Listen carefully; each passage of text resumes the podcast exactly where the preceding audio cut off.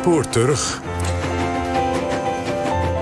Stel je voor, je komt erachter dat de laatste postkoetsovervaller van Michigan familie van je is. En hoe dieper je in zijn leven duikt, hoe vreemder zijn leven blijkt te zijn. Dat overkwam Tanja Holshey. Samen met Gabri van Tussenbroek schreef ze een boek, De Laatste Overval. Luister naar een documentaire van Christiane Alvarado, gemonteerd door Alfred Koster. This week we have quite an interesting story involving an immigrant. His name was Raymond Holshey. Ja, volgens mij is dat een artikel uit de jaren 80 daarin staat ook uh, Raymond Holshey, de man die het Wilde Westen naar Michigan bracht. An Upper Peninsula stagecoach robbery and brain surgery performed in prison. Who was Raymond Holsey? En ik ging googlen en uh, toen kwam ik een krantenbericht tegen. Toen bleek dus daar een, een, een postkoets overvallen met mijn achternaam te zijn geweest. Dus ik dacht, ho, dat is raak. Tanja Holtzij vindt in haar familiegeschiedenis de laatste postkoetsovervaller van Michigan, Raymond Holtzij. Internationaal bekend als Black Bart. In haar onderzoek blijkt Raymond al snel veel meer dan een op geld beluste boef. Die geestelijke verwardheid die bracht hem eigenlijk steeds verder van de realiteit af ook. Hij, hij verloor zijn realiteitszin en kwam in een staat van onthechting terecht. Hij wordt gevonden, gepakt, opgesloten in de gevangenis. Hij raakt bevriend met miljonairs, wordt vrijgelaten en slijt de laatste dagen van zijn leven op een tropisch eilandje. We zaten gewoon uh, gezellig te, te, praten over, nou, over ons eigen uh, verleden. En ook over familie in het verleden die uh, naar het buitenland was gegaan. En toen kwam bij mij weer op opeens van... Ik heb als kind ook een verhaal gehoord... dat er iemand van de Holtzey-familie naar Amerika was gegaan. Dit is literatuurhistorica Tanja Holtzey. Een blonde vrouw met een vrolijk gezicht. En familie van Raimund Holtzey. Ze groeide op in Oost-Duitsland en daarom was ze als kind totaal gefascineerd dat iemand naar Amerika was gegaan. Verder was er geen informatie, dus iemand was naar Amerika gegaan van de familie. Maar ik weet nog wel dat ik probeerde, toen ik in ieder geval aan wat mensen vroeg: van weet je nog iets meer? En mensen wisten niks.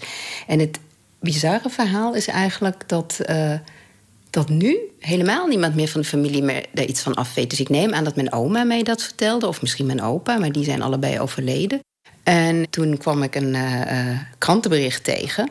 Toen bleek dus daar een, een, een postkoets overvallen met mijn achternaam te zijn geweest. En mijn achternaam komt niet heel vaak voor in het Duits.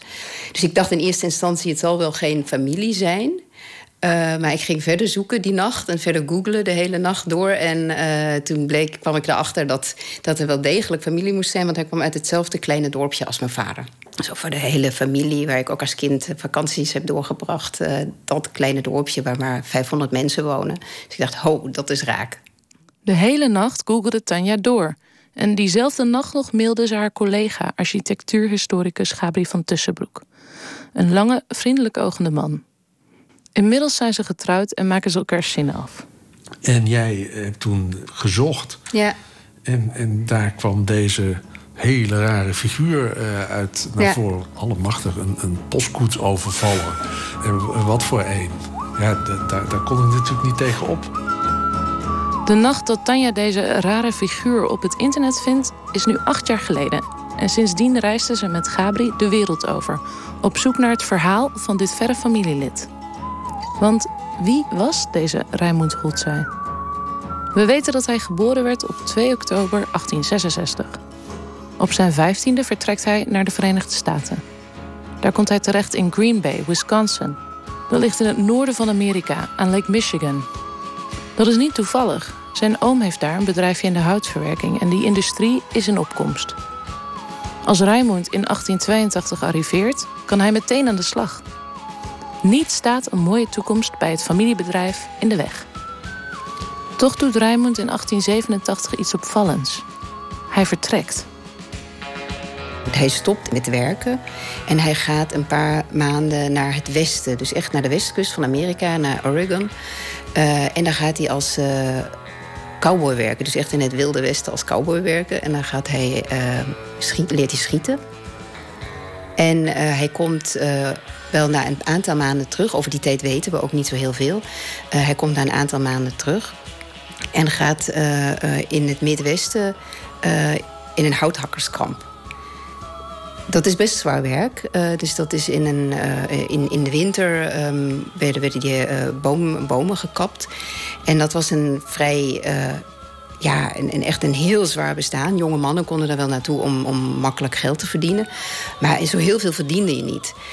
Hij zal veel beter bij zijn ooms hebben verdiend. Dus eh, die keuze om daar te gaan uh, werken, wat er precies achter zat, dat weten we niet. Maar op een gegeven moment komt hij dus, eh, zit hij weer in, in, het Midwesten en dan gaat het ook echt mis. En dan gaat hij dus uh, overvallen plegen. Hij begon dus een aantal postkoetsen te overvallen, winkels. En uh, in het begin uh, was onbekend wie, wie, wie dat deed. Dus er uh, verschenen stukken in de, in de lokale kranten dat er iemand naar een overvallen was met een rood zakdoek en een snor. maar wie dat, wie dat was, dat bleef eigenlijk nog in het midden. En het waren ook toen nog vrij korte stukken. Maar het deed wel best wel veel stof opwijen in de regio, dus in, in Wisconsin, omdat het eigenlijk een gebied was waar zoiets nooit gebeurde. Dit is niet zoals het Wilde Westen, waar veel vaker van, van dit soort dingen gebeurde. Maar in, in Wisconsin, dat was gewoon een rustig landelijk gebied... waar gewoon de mensen hun werk deden en nou ja, waar weinig spectaculairs gebeurde. Dat was dus een, een groot verhaal. En um, hij ging op een gegeven moment verder. Daar ging hij ook treinen overvallen. En dat maakte hem dus nog veel breder bekend. Want die treinen, die spoorwegmaatschappijen... die gingen een beloning uitloven op Rijnmond. En dat waren hele hoge bedragen. Ja, hij heeft, heeft wel nou, hij heeft meer dan tien overvallen gepleegd. Hij is begonnen met, uh, met postkoets. En toen nog een postkoets. En uh, heeft een paard doodgeschoten. En echt, nou ja, dreigen. En uh, ook soms mensen op een haar na gemist.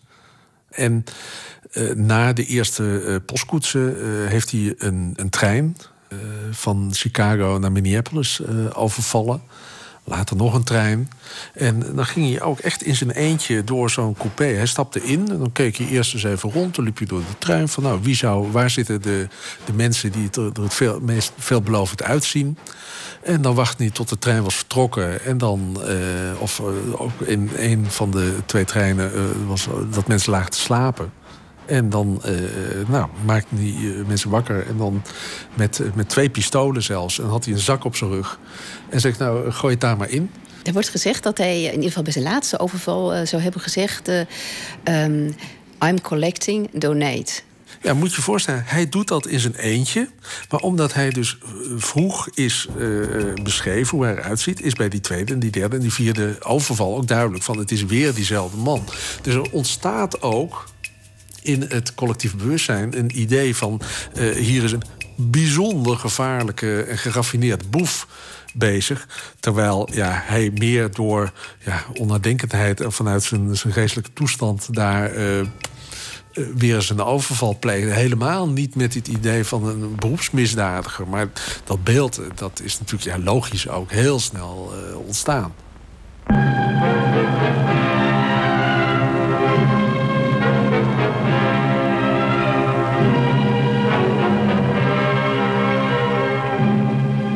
De kranten en daarmee het land zijn in de ban van deze mysterieuze overvaller. Want in het Midwesten gebeurde dit helemaal niet. Daarom krijgt hij een bijnaam: Black Bart. Naar een collega uit het Wilde Westen, die rond die tijd ook postkoetsen overvalt. West record many stories of famous and notorious characters of that period. One of the most famous of them all was Black Bart. Working alone and on foot, he held up 27 coaches and for nine long years in the 1880s baffled the smartest detectives in California. Raymond lukt het niet om uit handen van de slimste detectives van de staat te blijven. Hij wordt geïdentificeerd. De burgemeester van Pulsifer, eh, die ook directeur van de posterijen was... dus die ook belang had bij het zo snel mogelijk vinden van de overvaller...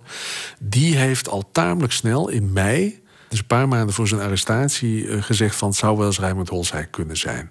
Ja, als je dat soort dingen gaat doen... is het dan verstandig om zo'n grote uitgesproken snor... als je dan ook nog flaporen hebt... een heel zwaar Duits accent... wat hij zijn hele leven heeft uh, gehouden... ja, dat is toch wel vragen om op betrekkelijk korte termijn geïdentificeerd te worden. Dus daar, was men, ja, daar werd wel heel snel gespeculeerd van... het, het zou wel eens Raymond Holzij kunnen zijn. Maar Raymond weet uit handen van zijn achtervolgers te blijven. Hij dolt door het uitgestrekte bosland en gaat als gids aan de slag in een vakantieoord in Michigan, net boven Wisconsin. Daar komt de gegoede mens uit steden als Chicago naartoe om bij te komen in de natuur. Als ze van hun vakantie naar huis gaan, brengt de postkoets ze over een lange weg naar het dichtstbijzijnde station. En daar, langs die weg, Stagecoach Road, verschuilt de dan 21-jarige Rijmond zich op 26 augustus 1886. Rijmond verborg zich in de bosjes en sprong op een gegeven moment uh, tevoorschijn met zijn pistolen en eiste 500 dollar. En hij dacht natuurlijk van, nou, ik maak zoveel indruk met mijn twee pistolen, dat lukt wel. Maar ja, toen heeft hij zich toch misrekend omdat een van de passagiers, dat was een bankier uit Minneapolis, die dacht van nou, dat gaan we helemaal niet doen. Trok zijn pistool en die schoot. En uh, daarop is een vuurgevecht ontstaan. Waarbij uh, MacArthur, die man die heeft geschoten, werd getroffen in zijn kaak en in zijn been. Dus, nou, echt niet misselijk. En de man die voor hem zat, ja, die is er het slechtste van afgekomen, Dolf Fleischbein. Want hij is eh, geraakt ook door Rijmond. Die paniek veroorzaakte natuurlijk met zijn overval, eh, de schietpartij. Je moet je voorstellen, het ging ongelooflijk snel. Hè? Je komt daar aanrijden, je hebt, je hebt een fijne week vakantie achter de rug. Dan ineens word je overvallen. Iemand staat op en schiet. Dus dat is een kwestie van een paar seconden. Dolf Fleischbein, die wordt heel zwaar verwond. Op dat moment slaan de paarden op hol. De koetsier die grijpt de teugels. Die, die koets die schiet naar voren. En Dolf Fleischbein die valt uit de wagen langs de kant van de weg. En ja, wat er dan gebeurt, toch nog bizar. We hebben er verschillende. Nee, er zijn ooggetuigenverslagen. Uh, het is heel uitgebreid beschreven wat er dan is gebeurd. Maar wat we niet goed kunnen begrijpen. Het, het, moet door de angst komen van de mensen die nog aan boord waren. En die zo geschrokken waren dat ze zijn weggereden. Dus toen de koetsier de paarden weer onder controle eh, had, toen heeft hij besloten: we rijden door. Ongeacht het feit dat Dolf Fleischbein in de berm lag, zwaar gewond. En pas uren later is er hulp gekomen. En in de tussentijd, en dat geeft ook wel aan uh, hoe de geestelijke toestand van Rijnmond op dat moment uh, was. In plaats van Fleischbein toch te helpen of, of iets te doen. Nee, hij pakt hem nog 37 dollar af. Zijn portefeuille neemt hij mee. Een horloge, een ketting. En hij verdwijnt in de wildernis. En arme Dolf Fleischbein blijft daar aan de kant van de weg uh, liggen hevig bloedend. Wordt pas uren later opgehaald. Naar het hospitaal van, van Bessemer eh, gebracht. Dat is ook nog eens een rit van een paar uur.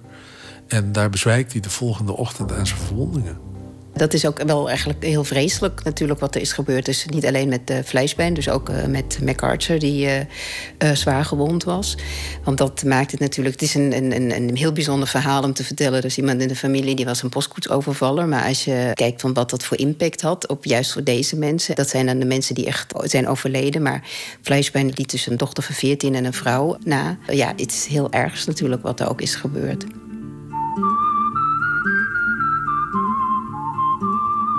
Intussen staat Raymond in het hele land in de krant. En in de omgeving waar hij zijn laatste postkoetsoverval pleegt, is zijn verhaal nog steeds springlevend. Hello, can you see Hi. me? I cannot see you, but I can hear you. Dit is Arlene Sneller, een energieke galerie-eigenares uit de omgeving van Stagecoach Road. In de jaren 90 ontwikkelde ze een obsessie voor Raymond. En inmiddels heeft ze stapels materiaal over hem verzameld. En zijn verhaal kwam haar bekend voor. Going way back in time, in sixth grade, I moved back here to Ironwood, which is my hometown. And in sixth grade, I was the horse, the cardboard horse for the stagecoach robbery. we did this play in school, and I had no idea that it was the Raymond Halsey robbery. I hid behind the cardboard piece holding the bar and just ran across the stage. Op de lagere school had ze het paard gespeeld in een toneelstuk over Rijmonds overval. Ze is nog steeds druk op zoek naar materiaal van die avond. So I I realized after this um, story started, I thought, oh my gosh, this sounds familiar. I I think I know this. And then all of a sudden it was like I talked to my teacher who's still alive. And I said, Do you remember the stagecoach robbery story? And he said, Yes, we did the play. And I said, Do you have any information on it? And he said, No, no, I don't think I have anything. And I was just so disappointed. I, I'm still, that's my next obsession is to find somebody who will tell me about it. Van dit toneelstuk heeft Arlene geen materiaal meer gevonden. Maar op haar zoektocht vond ze wel andere informatie over Raymond. Door de jaren heen ging ze in elke stad die ze bezocht op zoek naar microfiches met krantenberichten over hem. En op het hoogtepunt van haar obsessie realiseerde ze zich dat ze 150 krantenberichten verzameld had.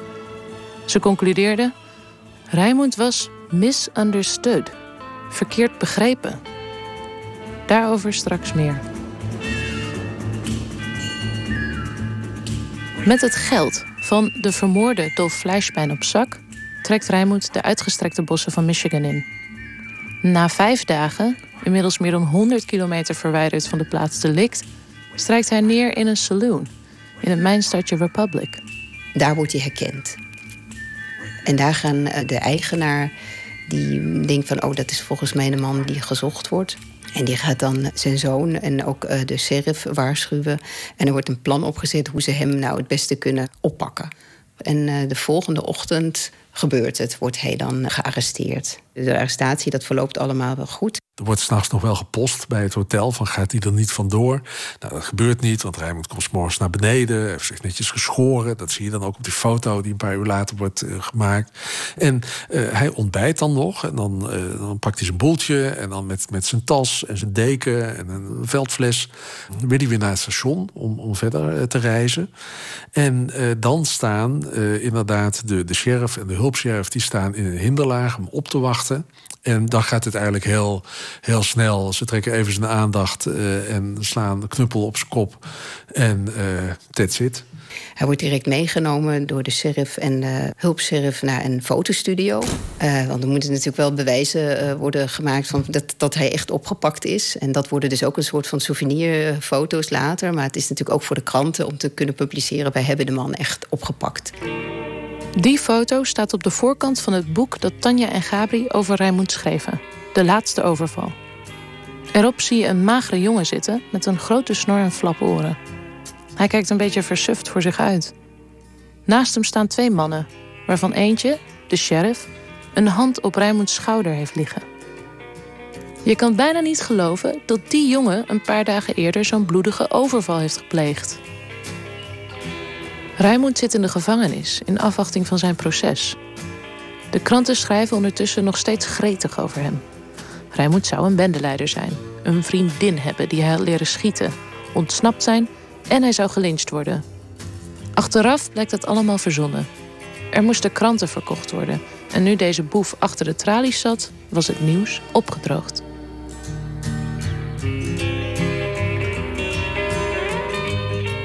Een onbevooroordeelde jury vinden blijkt lastig. Heel lastig. Iedereen die opgeroepen wordt, heeft in de maanden ervoor wel een krant gelezen. Uiteindelijk zijn er 700 mensen opgeroepen als jury. Het proces begint.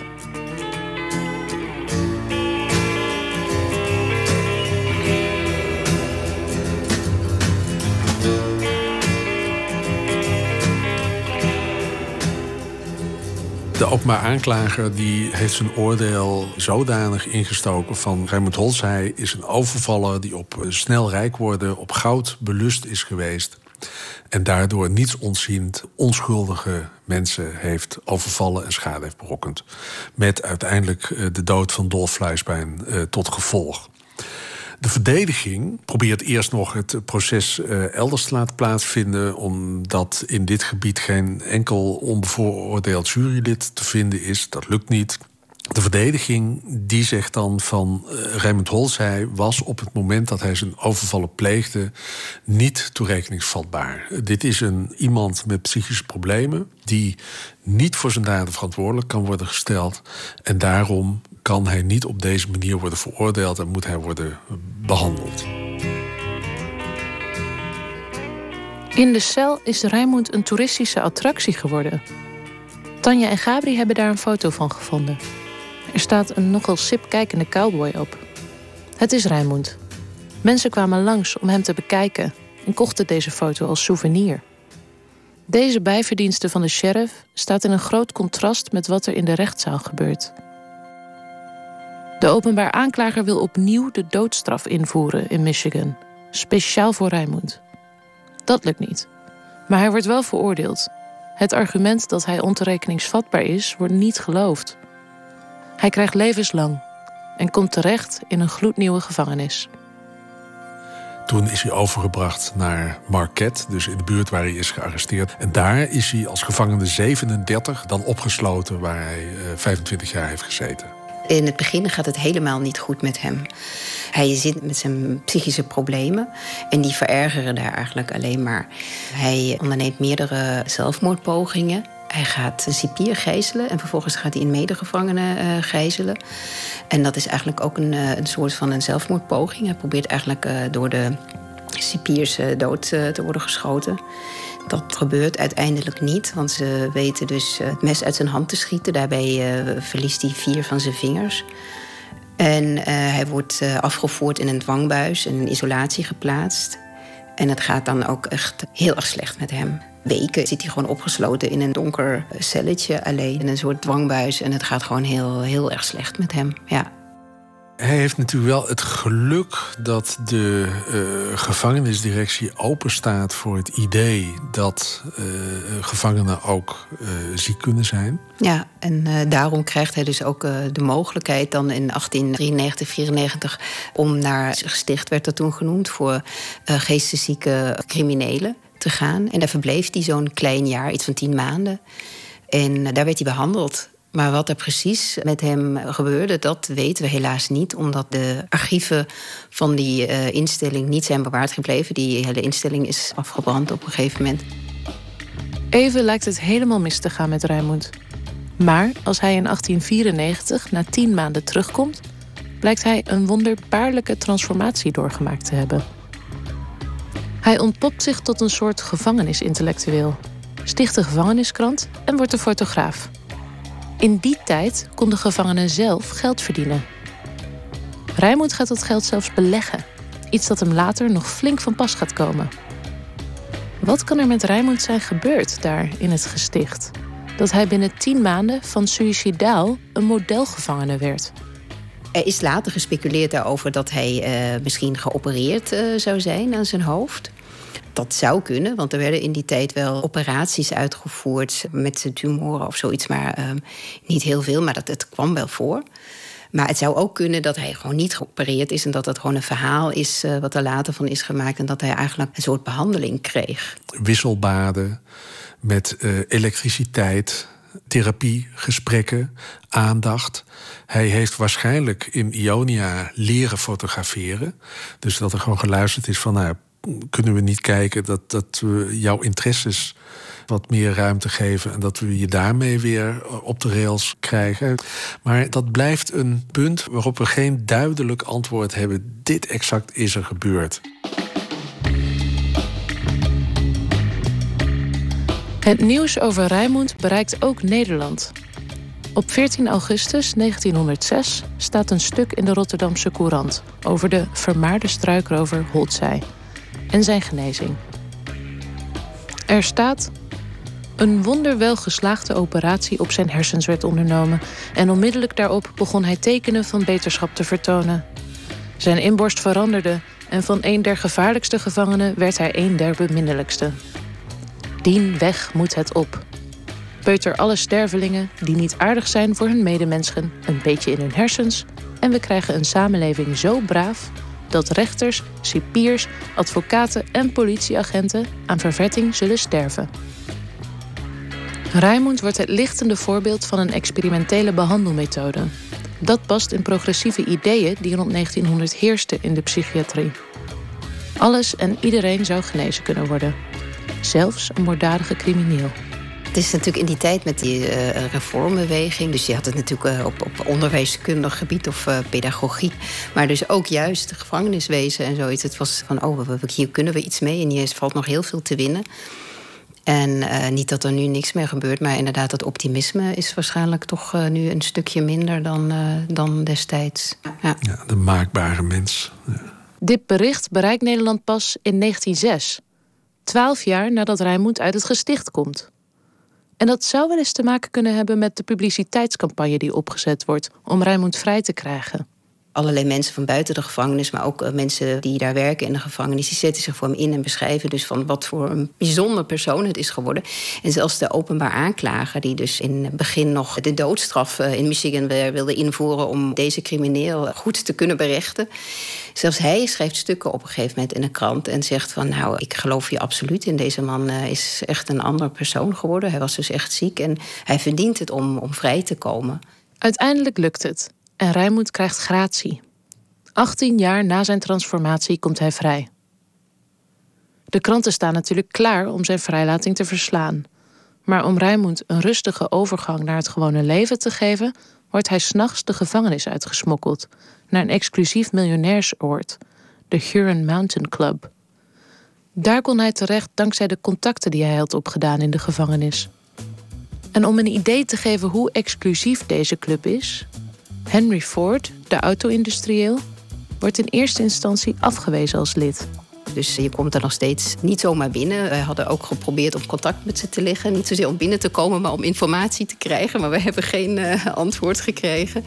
Rijmond mag daar eigenlijk tot rust komen en op adem komen. Een beetje wennen aan de vrijheid. Vervolgens is hij in die club ook gaan werken als gids en als bewaker. Dus dat is natuurlijk ook wel heel bijzonder voor iemand die eh, zo'n achtergrond heeft, bankiers en zo overvallen. En dan bij zo'n miljonairsclub mag reïntegreren. Van de tijd tussen de overvallen en zijn vrijlating in 1913 is Rijmond dankzij de kranten op de voet te volgen. Na zijn vrijlating is bijna niets meer te vinden terwijl hij daarna nog bijna 40 jaar zou leven. Hij schreef graag, dat weten we. Toch verscheen er niets meer onder zijn eigen naam. Wat we ook weten is dat hij het grootste deel van zijn leven in die miljonairsclub werkte. Toen hij met pensioen ging, verhuisde hij naar een afgelegen eilandje bij Florida. Daar woonden de mensen die hij kende van de club. Captiva Island, een perfecte plek om, verborgen van de wereld, nog lang en gelukkig te rentenieren.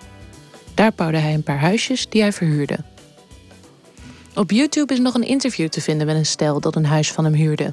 Mr. Halsey is uh, the first man that we ever met. He lived on the island. He lived on the island. The black, uh, what would they call Black Bart. Blackbeard. Black Bart, yeah. Oh, that was Mr. Halsey.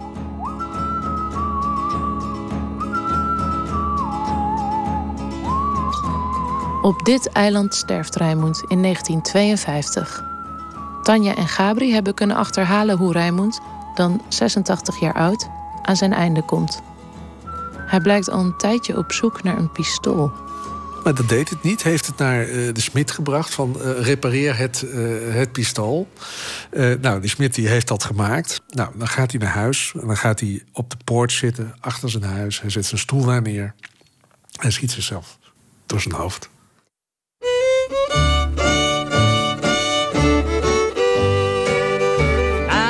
Looking at a man that's getting kinda mad. I had a lot to look, but it's all been bad. No matter how I struggle and strive, I'll never get out of this world alive. My fishing pole's broke, the creek is full of sand. My woman run away with another man. No matter how I struggle and strive, I'll never get out of this world alive.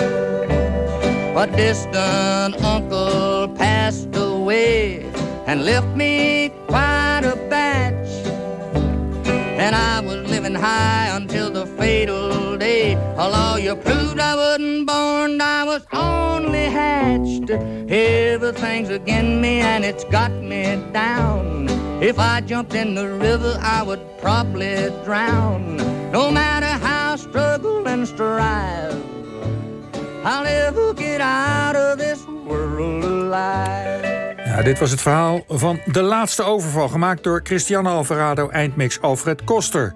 Het boek van Tanja Holzij en Gabri van Tussenbroek heet De Laatste Overval, het onwaarschijnlijke leven van Raimund Holzij en is uitgegeven bij Prometheus. En hiermee zijn we aan het einde gekomen